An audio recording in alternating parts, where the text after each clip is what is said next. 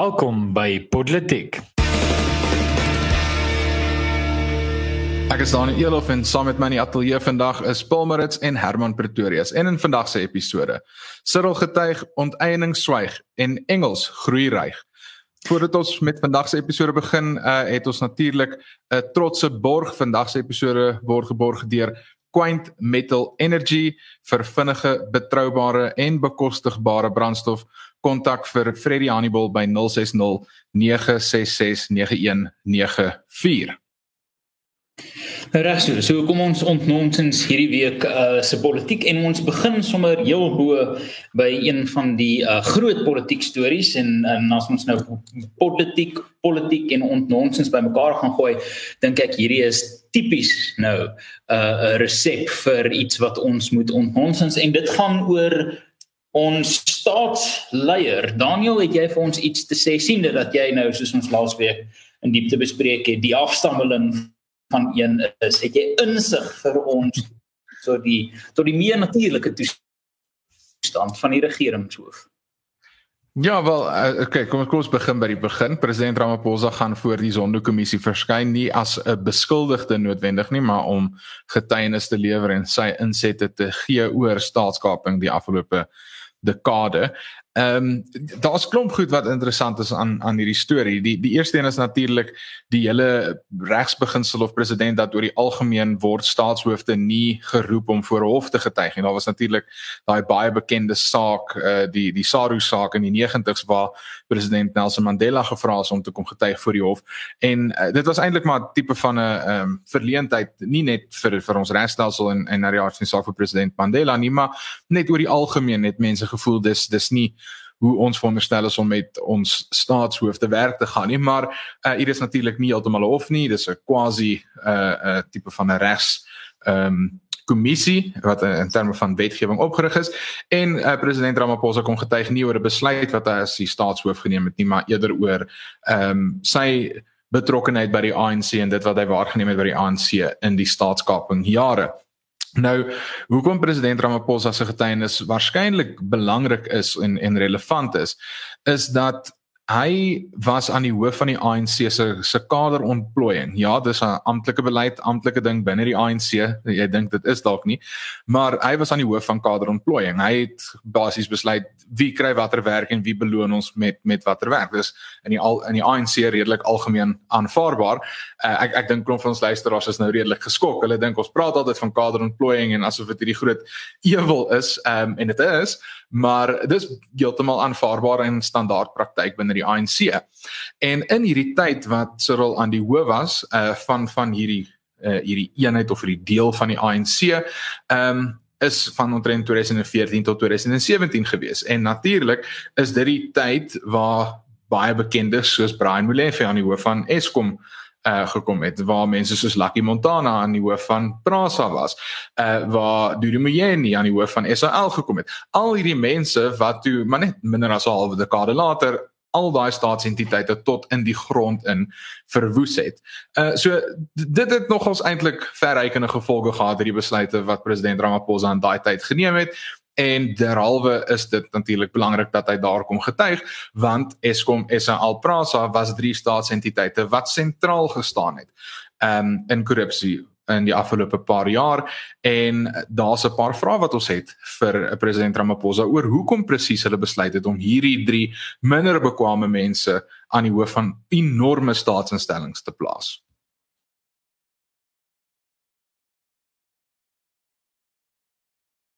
Paulus Paulus ek ek ek ja, weet nie hoe dit net ek is nie maar kan jy nie hoor nie. Dit wat ek wou sê was nou vol nie sinvol nie. Hierdie hele ding frustreer my ontsettend baie. Ehm um, dit dit dit gaan vir my daaroor dat ehm um, okay. So prakties, hoe meer mense oor lees en hoe dieper jy in dit indelf, hoe meer besef jy dat jy niks weet nie. Sokrates het dit gesê en ek ek dink is regtig waar. Want hoe dieper mense ingaan in hierdie ideologie, hoe meer besef jy hoe korrup en eenvoudig dit eintlik is. Nou, ek het al op die lig gesê en ek sê dit weer.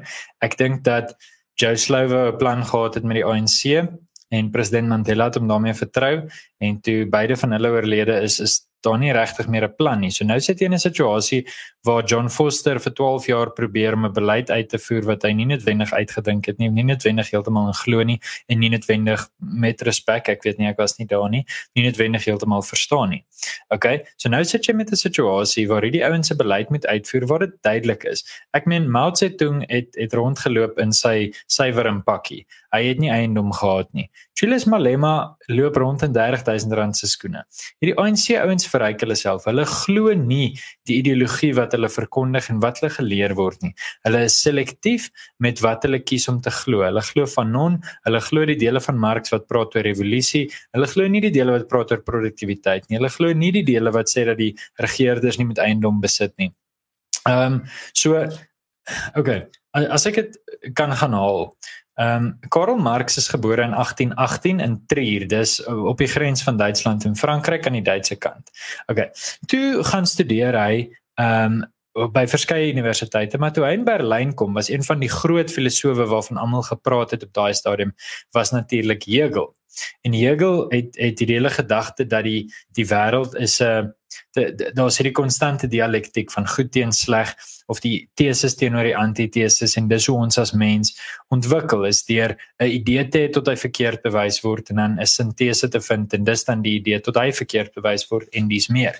En die jong Hegeliane waaraan Karl Marx behoort het, uh dis 'n verenigingkie gewees het geglo hierdie filosofie moet op sy voete gebring word, moet prakties gemaak word. En oral waar dit probeer is, het dit misluk. So Cyril Ramaphosa kan kom en vir ons kom vertel ja, maar kaderontplooiing is deel van die ANC se beleid en dit en dat. Die die uiteinde daarvan is dat enige ekonomie werk op sy beste en goed ek ek wil nie vir Adam Smith direk aanhaal nie maar Adam Smith sê ekonomie werk op sy beste as elkeen sy eie belang dien. Nou dink oor as 'n besigheid homself so goed as moontlik dien, dan groei dit en doen hy goed, dan het hy geld om mense aan te stel en dis meer. Ek sê nie deursypling werk noodwendig 100% nie, maar die punt is dit dis die teorie. Nou gaan ons en ons sê aktief, ons vat mense wat bevoeg en gekwalifiseerd is uit poste uit en ons sit mense daarin op grond van die tipe kaartjie wat hy in sy beursie dra. Ehm um, dit dit is absurd en hy kan maar kom getuig, maar ons weet wat hy gaan sê, jy weet, dis beleid sy hande afgekap en ek weet nie die kant toe en hy kan toe. Ek weet nie Herman wat vir jou meer sin maak nie. Ja nee, ek moet sê ek probeer nou hierso ehm um, uit uit Moletsi en Bekkie se Architects of Poverty 'n baie spesifieke gedeelte vind wat ek nou verragtig net nie kan kry nie. Ehm um, waar waar Bekkie basies praat van van die feit dat jy het ehm um, jy het hierdie postkoloniale uh uh rentsoekersklas, elite elite rentsoekersklas. Ehm um, en ek moet sê ek dink die die die ANC en ek ek ek bedoel ek ek het hierdie al gesê is is die ANC is reg verdeel in twee faksies. Ehm um, nie die goeie ouens en die slegte ouens nie. Dis die mense wat jou geld wil steel en die mense wat jou geld wil vat. Dit is regtig die die onderskeid wat ons daai het. Jy het die mense wat jou geld wil steel, wat tipies ehm um, baie se se postkoloniale uh, rentsoekersklas uh, bevolk uh, bevolking is waar uh, dit regtig net gaan oor selfverryking oor die ontginning van hulpbronne. Iets wat ons amper baie gesien het niemand soos Robert Mugabe waar dit regtig net gegaan het oor wat kan hy wat wat sien wat sien 'n uh, uh, um, return on investment? Ag dis ook lekker maar ek kan net nie daarby uitkom nie. Op die um, op op die uh op dit wat hy ingeploeg het in die bevrydingsstryd van sy land. Um so jy jy het definitief daai uh slinkse uh, vuilisse wat regtig nie daar so selfverryking ons beurt om by die trog te eet en vet te word. Aan die ander kant het jy het jy die ware ideoloog, mense soos Pravin Gordhan. Uh vir wie ek absoluut nul ooghare het maar uh, wat mens van daai mense basies kan sê is uh, hulle hulle is NDR ideoloog hulle hulle hulle glo in die nasionale demokratiese revolusie en die beheer van die staat en dat dit werklik die die roete is vanuit hierdie kapitalistiese koloniale bestel soos Lenin dit beskryf het deur na sosialisme deur na uiteindelik volledige kommunisme. So as mens kyk na die ANC moet mens regtig omtrent enige verwikkeling daar sien in daai konteks en natuurlik is uh, president Ramaphosa iewers uh, daar betrokke.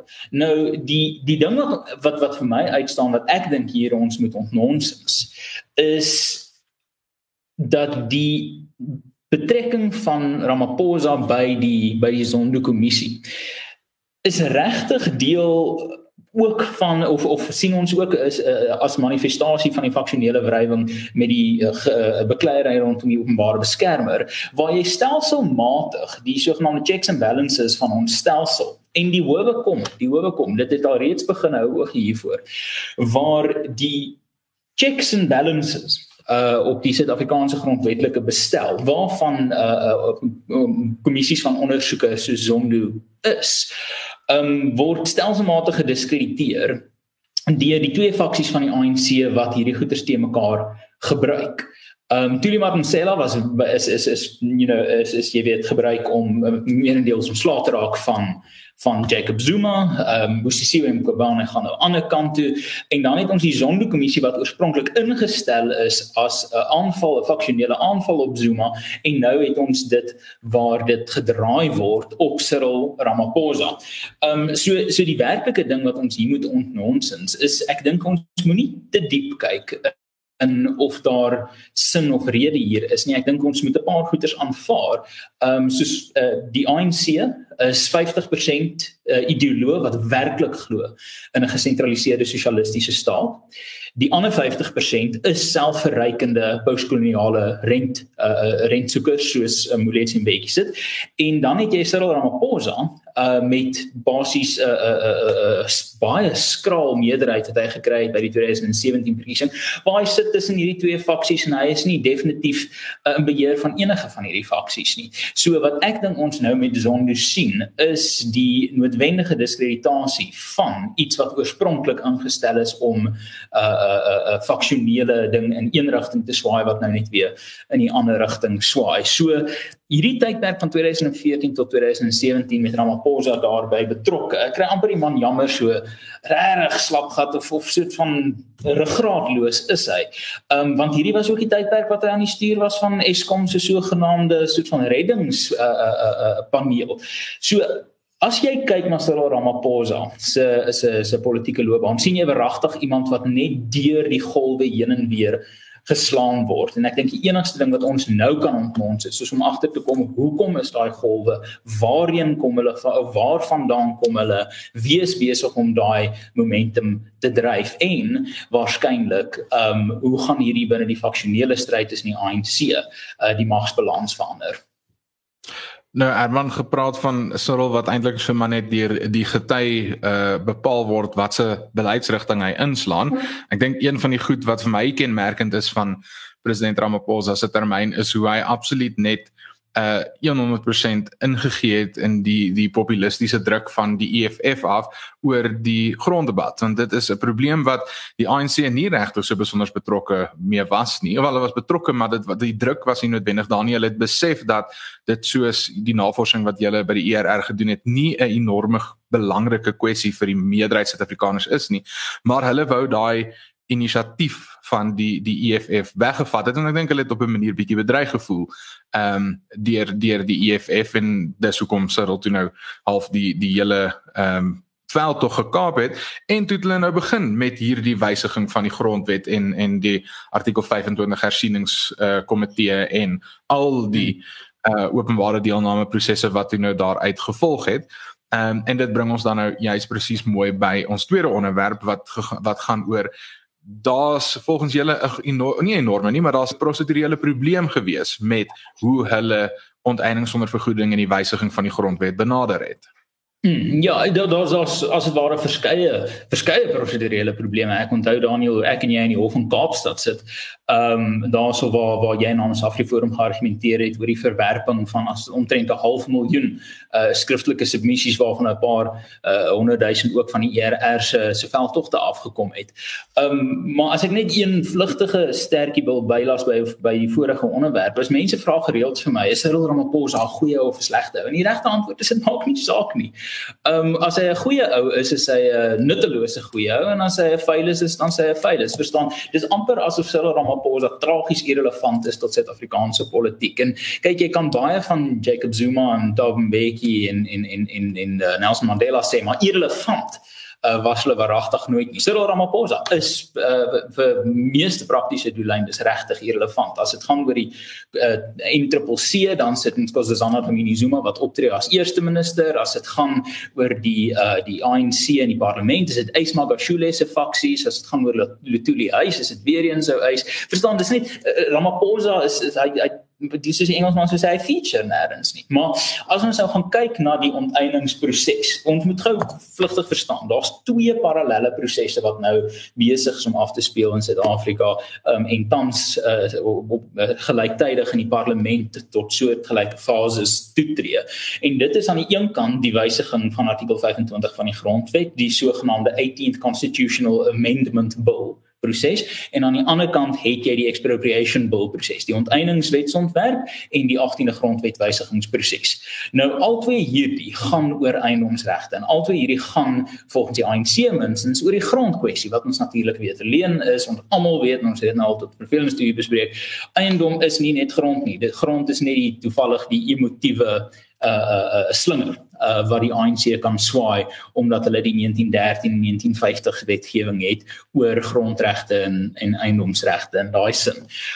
Nou hierdie twee prosesse het uh op verskillende fases begin, maar as gevolg van die samelewing van omstandighede, die pandemie, is ons nou in 'n situasie waar beide die onteieningswetsontwerp en die 18de grondwetlike grondwetwysigingswetsontwerp op dieselfde tyd by mondelinge voorleggings op die komitee vlak is in die parlement. Nou dit volg op die skriftelike insette wat die wat die publiek kan lewer op hierdie hele proses onder die sogenaamde, jy weet, uh deelnemende demokratiese stappe. Nou Die ERR was regtig prominent betrokke by beide van hierdie prosesse. Ons het ek dink 275000, ek kan nie presies onthou nie, ons het meer as 270000 uh submissies uh uh, uh behartig in die uh 18de grondwetswysigingsproses. Ehm um, so ons was 'n noemenswaardige stem in daai uh, deel van die gesprek en onlangs met die uh, uh onteieningswet het ons regtig laas jaar in Oktober heel eers die waarskuwingsramshoring hieroor geblaas. En en ons het met die uh, submissies ook um uh, 40 of so 1000 submissies uh, verantwoordelik gewees van die ongeveer 90 as ek reg onthou uh, wat die komitee ontvang het. So mense mag dink wat hulle wil van die ERR, maar die feit dat ons 'n prominente stem hierop was en dat ons reg betrokke was by beide van hierdie prosesse dink ek is is is 'n feitelike kwessie wat nie in dispuut geplaas kan word nie. En tog het ons seker gemaak prosedureel dat ons die hele tyd duidelik gemaak het aan beide komitees dat ons graag wil deelneem aan die mondelingse voorleggings wat in die parlement op hierdie stadium van die wedstryd gaan gebeur. Wonder bo wonder, laasweek word die skedules vir beide van hierdie uh, kwessies uitgereik en ons is op die een mondelinge skedule, maar nie op die ander mondelinge skedule nie en hierdie twee skedules van twee aparte prosesse uitsonderlike belangrike prosesse, twee verskillende komitees gebeur dat hulle so oorvleuel in dae. Nou ek weet toevallig Sakeliga was ook uitgesluit van hierdie die lys en hulle moes deur dringende regsaksie um op op beide van hierdie lyste kom om mondelinge uh, voorleggings te maak soos wat grondwetlik die reg is van burgers. As jy 'n skriftelike uh, submissie stuur aan 'n parlementêre komitee op 'n wetgewing en jy vra vir 'n spreekbeurt in die mondelinge 'n uh, fase van voorleggings dan moet jy daai kans gegee word. Dit is die praktyk. Dit is die gesonde praktyk soos wat die grondwetlike hof dit al herhaaldelik uiteengestipel het of uiteengesit het dat hierdie is nie net om boksies te tik en om seker te maak die proses word in nomine gevolg nie. En wonderbo wonder hier sit ons in 'n situasie waar die ERR en talle ander en talle ander uitgesluit word uit hierdie fase van een van die twee belangrikste stukke wetgewing. Ons het dringende vertoë gerig aan die komitee. Die komitee het niks aan ons laat terug weet nie. Ons het vandag nou weer aan die komitee geskryf om juis hierdie aan die groot klok te hang. Want vir ons gaan dit nie dat verstaan ons ego gekrenk is of iets soos dit nie. Ons is amper amper al 100 jaar in hierdie besigheid. Ons weet hoe parlemente en regerings werk. Die kwessie hier is net as die ERR se prominensie nie kon lei tot 'n sinvolle oorweging in hierdie publieke kommentaar proses nie. Dan moet mens regtig die vraag vra hoeveel ander Suid-Afrikaners is nie kans gegee om hier deel te neem nie. Ek dink wat wat as ek dit alles kan kan opsom waar dit net neerkom is ek, ek dink hierdie ANC en dis dis die hartseer waarheid ek ek dink hulle gaan nou maar deur emotions amper as mens dit kan kan sê en en mense moet probeer op elke liewe front waar jy hierdie slegte beleid onteiening van vergoeding kan aanveg, moet jy dit aanveg. Uh en en en ek dink baie van ons luisteraars sal voel maar wat help dit?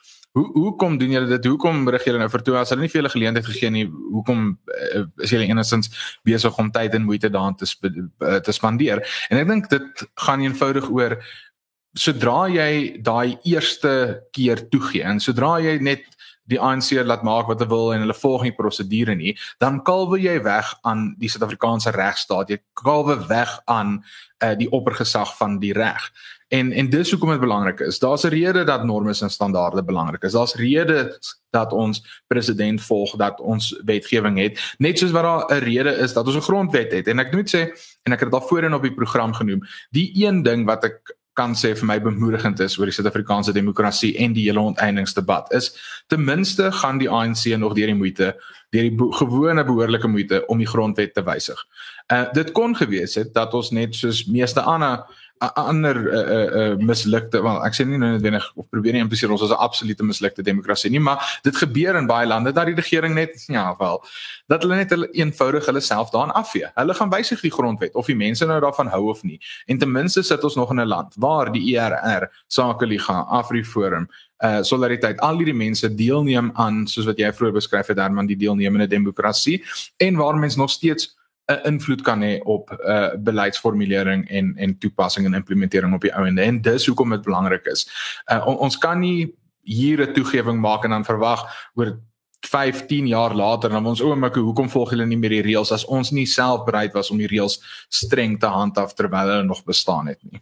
Ek ek wil net een vinnige sinnetjie daarin laat sorry Paulus is is wat ek al herhaaldelik gesê het Daniel is ons kan nie beloof dat ons met hierdie prosesse met hierdie deelname gaan sukses behaal nie. Maar ons kan waarborg dat ons sonder hierdie deelname gaan misluk en dit is hoekom dit die moeite werd is om nog steeds op te daag en nog steeds deel te neem. Ja, en ek dink vir my lê dit ook op 'n ander vlak. Natuurlik is hierdie nie net 'n plaaslike debat nie, dit is baie internasionaal. Baie internasionale rolspelers word geraak hierdeur. Ehm um, natuurlik Suid-Afrika se voedselsekuriteit het 'n bepaalde impak op die lande rondom ons, ook die lande waarheen ons uitvoer. En dis dis baie lande. Ehm um, wat wat eintlik afhanklik is van goeie produksie in Suid-Afrika uh, binne ons landbousektor. Nou goed.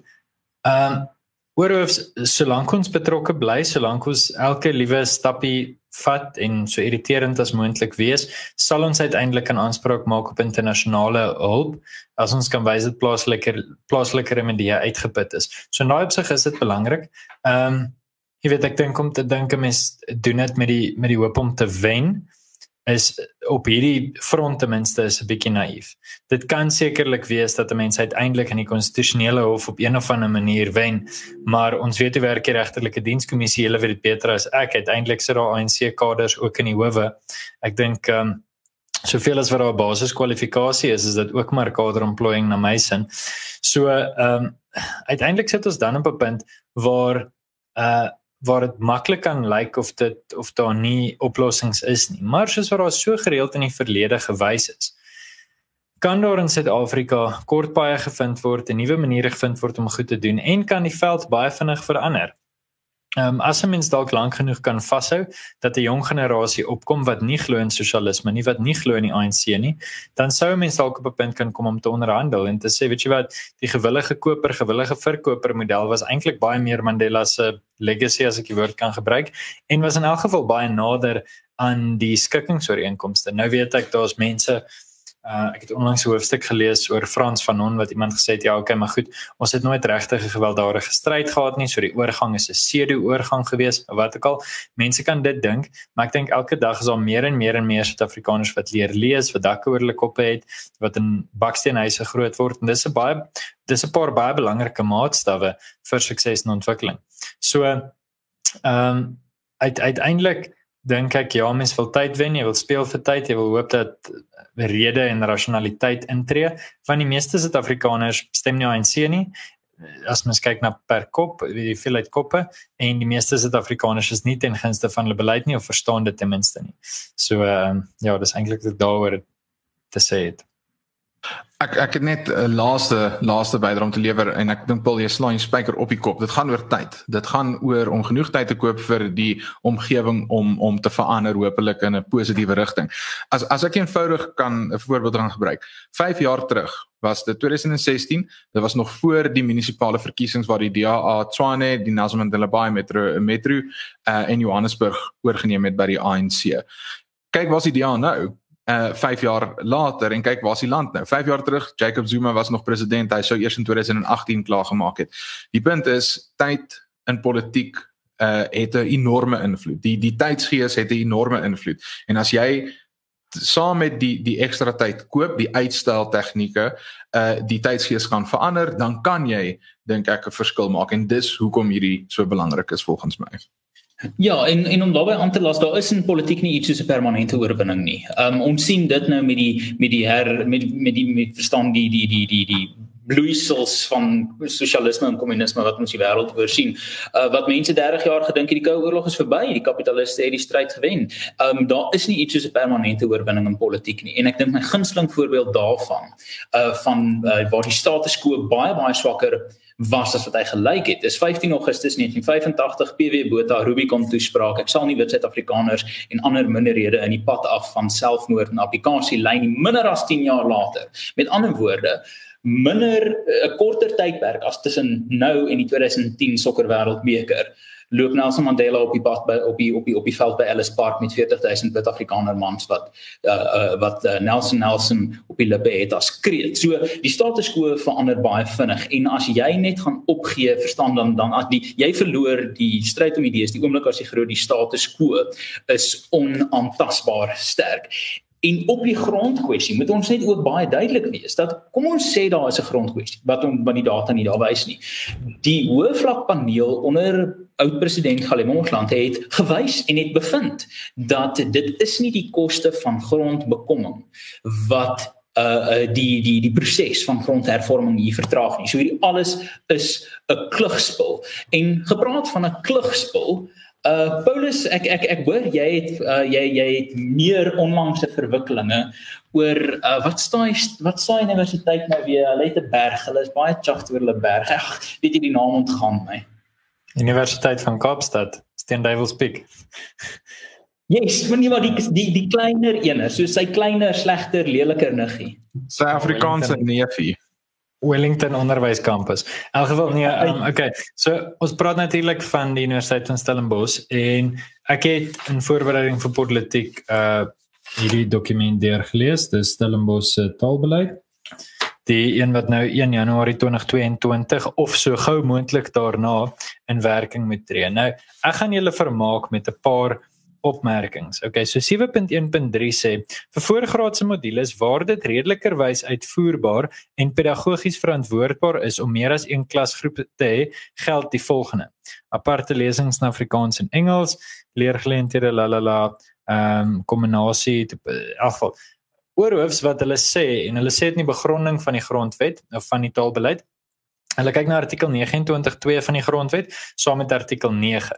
Nou sal julle weet die uh, stuk van artikel 29.2 waarna hulle verwys is wat sê ehm um, dat jy weet tersiêre onderrig kan in al die tale aangebied word waar dit redelikerwys uitvoerbaar is. Presies die woorde wat hulle gebruik. En artikel 9 sê dan daar mag slegs gediskrimineer word indien daardie diskriminasie geregverdig is. Dis die laaste woorde van artikel 9 so met ander woorde wat jy hierso doen en is eintlik vir my snaaks in 'n baie vreemde manier. Dis 'n bietjie snaaks maar dis ontsettend hartseer eintlik Wat die taalbeleid effektief doen is dit gee vir die universiteit 'n uitsonderlike hoeveelheid mag in terme van die die taal van die universiteit. En nou verstaan ek dit, universiteit is autonoom en sekerlik behoort die universiteit as jy dit as 'n een ding wil sien, as 'n as 'n ding in sig, as 'n as 'n aparte entiteit wil sien, behoort hy te kan besluit oor sy taal.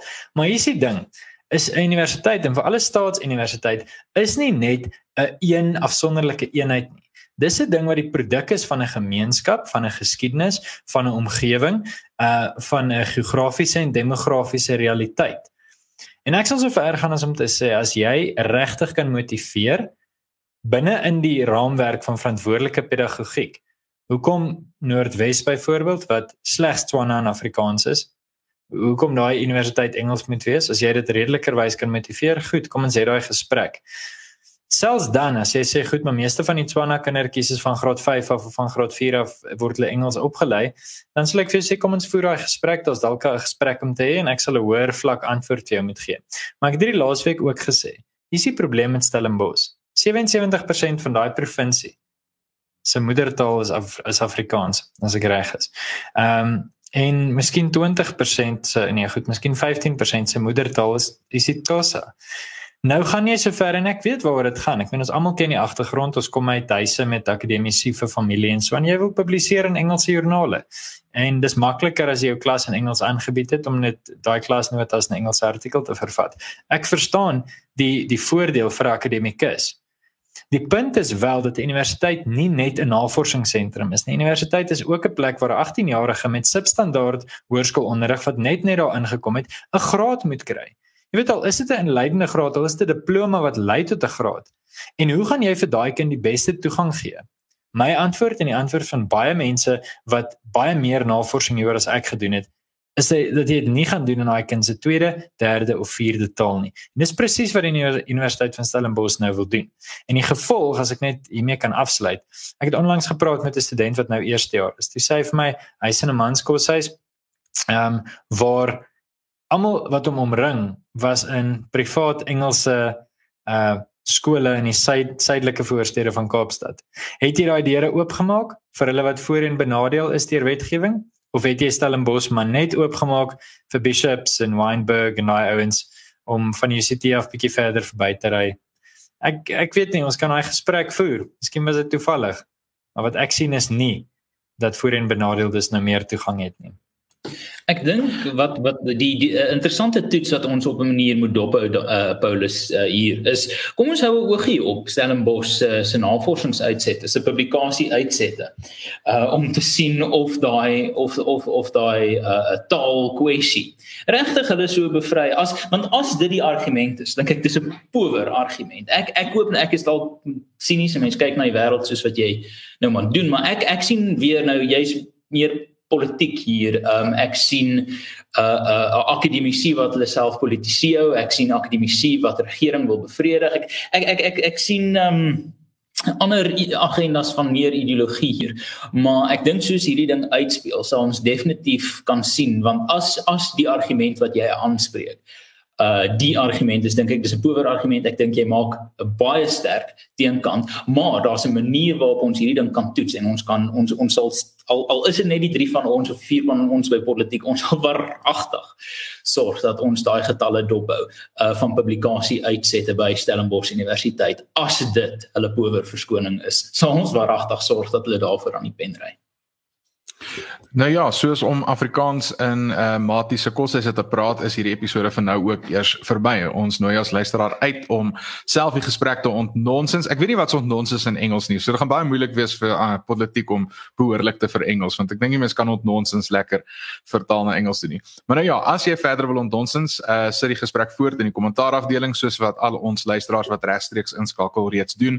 Baie dankie vir elkeen wat plus getrou elke week inskakel wat saam met ons bespreek en uh die die nee die die die nee die week se nuus ontnonsens. Uh jy kan ook vir ons natuurlik 'n uh, resensie los op Apple Podcasts of Spotify waar ook al jy jou weeklikse politiek ontvang en dan sien ons jou volgende week.